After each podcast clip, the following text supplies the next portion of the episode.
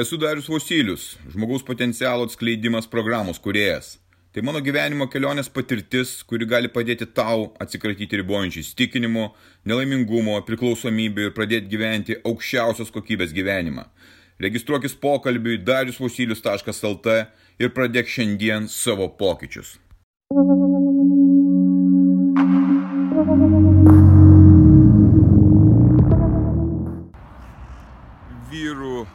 Gyvenimo griūtis.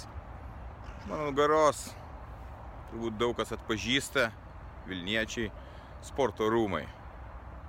Jie atrodo dabar taip, kažkada klėstėjo, kažkada vyko renginiai, koncertai, sporto varžybos.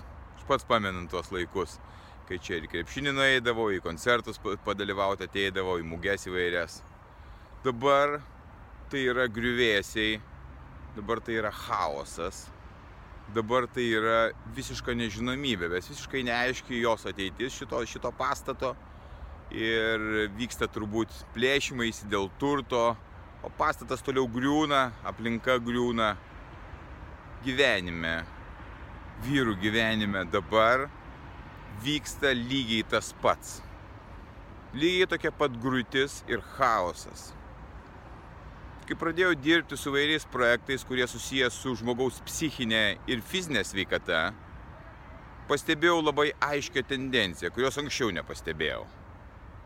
Visur, kur vyksta pokyčiai, kur žmonės ieško pokyčių, kaip padėti savo, kaip padėti išbristi iš įvairių psichologinių situacijų, sudėtingų situacijų, nu, įvairių nu, nusivylimų ir nerimo gydytis, depresijos ir kitų problemų, visur 99 procentai dalyvauja spėk kas. Moteris. Taip, būtent moteris. Vyrų čia beveik nėra. Taip yra mokytojų, instruktorių, kurie veda tam tikrus dalykus, bet tie, kurie siekia savo padėti, save pakeisti, išbristi iš tos nevilties ir chaoso, vyrų tenais nėra. Kasgi su tais vyrais yra, aš svarščiau, kas čia per dalykas, kodėl jie nesidomi, kodėl jiems tai neaktualu.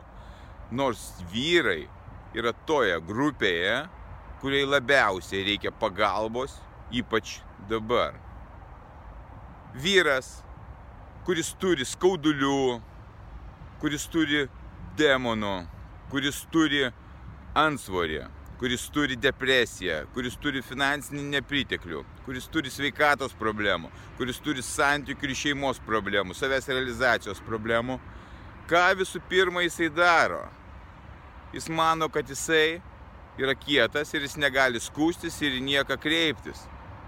Jis savo skaudulius malšina alkoholiu. Pirmas vaistas, kuris jam turėtų padėti alkoholis jį tempia į dugną. Dar didesnis nusivylimas, dar didesnė depresija, neviltis, beprasmybė.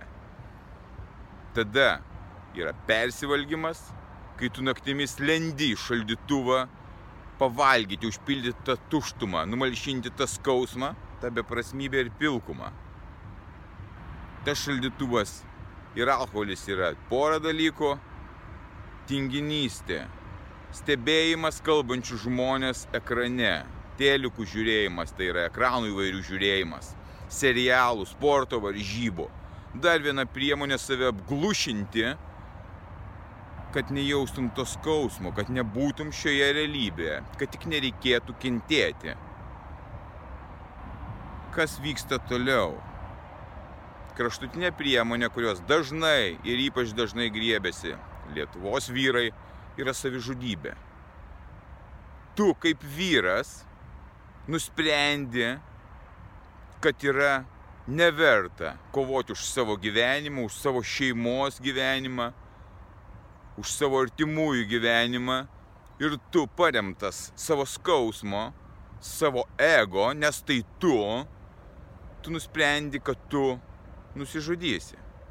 Štai vyrų sprendimai kaip jie galėtų tą skausmą, tą pilkumą, tą chaosą sutvarkyti ir ką jie renkasi. Visiška beprotybė, visiškas chaosas.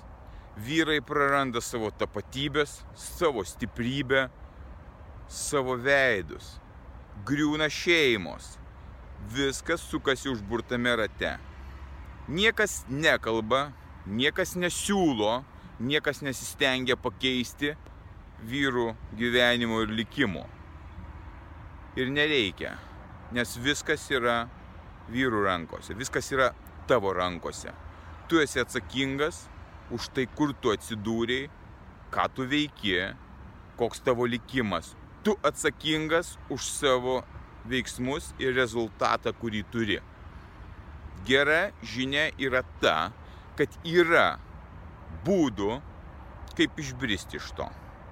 Aš lygiai taip pat buvau šitose situacijose ir visą laiką tas skaudulys man nedavė ramybės. Kaip tu dariau gali išbristi iš tos beprasmybės, iš to skausmo, iš to nerimo, iš to depresijos?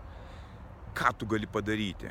Ir aš pradėjau kurti savo programą, kurti žingsnis po žingsnio, mėnesis po mėnesio, metai po metų, kad jinai padėtų man gyventi geriausią mano gyvenimą. Tik tai tos programos dėka aš galiu gyventi visiškai kitą, kokybišką, naujos kokybės gyvenimą, nepaskendęs baimėse, liudesyje, nepaskendęs alkoholyje, narkotikuose, nusivylimuose, beprasmybėje. Tik tai man padeda kiekvieną dieną, aš naudoju tą programą. Jis mane veda į šviesą ir aš atrandu tą šviesą. Aš atradau prasme, aš atradau tikslą, kodėl aš čia esu tai yra skausminga tai pereiti. Bet tas skausmas, palyginus su tuo skausmu, kurį tu apturi nieko nedarydamas, neieškodamas būdų, kaip išspręsti savo problemų, yra nepakeliamas. Dėl to tiek daug yra savižudybių.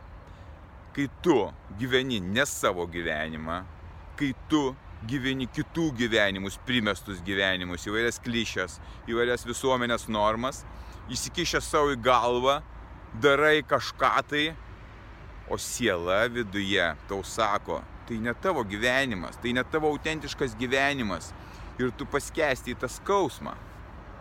Kai tu gyveni ne savo gyvenimą, ne autentišką gyvenimą, tu ir esi tokiam chaose. Aš atradau savo gyvenimą, aš einu savo autentiškų kelių. Man reikėjo daug ko atsaky, atsisakyti, daug ką paukoti, kas atrodė, kad neįmanoma, kodėl aš turėčiau taip elgtis. Bet tik tokiu būdu aš atradau save tikrąjį, save tikrąjį dariu. Ir aš pradėjau keisti save žingsnis po žingsnio, kiekvieną dieną eidamas į priekį. Pas mane kelias yra ilgas, iki gyvenimo pabaigos. Nėra galutinio taško, kad va štai tada įvykus tokiam įvykiui, staiga viskas pasikeis. Niekas nepasikeis. Tu turėjai tuo keliu, naujų keliu, kiekvieną dieną. Pagalba yra. Yra būdų, kaip tai padaryti. Aš tą būdą atradau, tą programą taikau savo ir galiu tą programą pasiūlyti ir tau. Teks paukoti savo draugus, savo gyvenimą, savo gyvenimo būdą, bet tu atrasi ramybę, atrasi savo gyvenimą, atrasi savo pašaukimą. Tu gali tai padaryti. Nenusivilk ir negriūk į beviltiškumą. Nėra nieko neišsprendžiamo, viskas yra padaroma sunkiu darbu.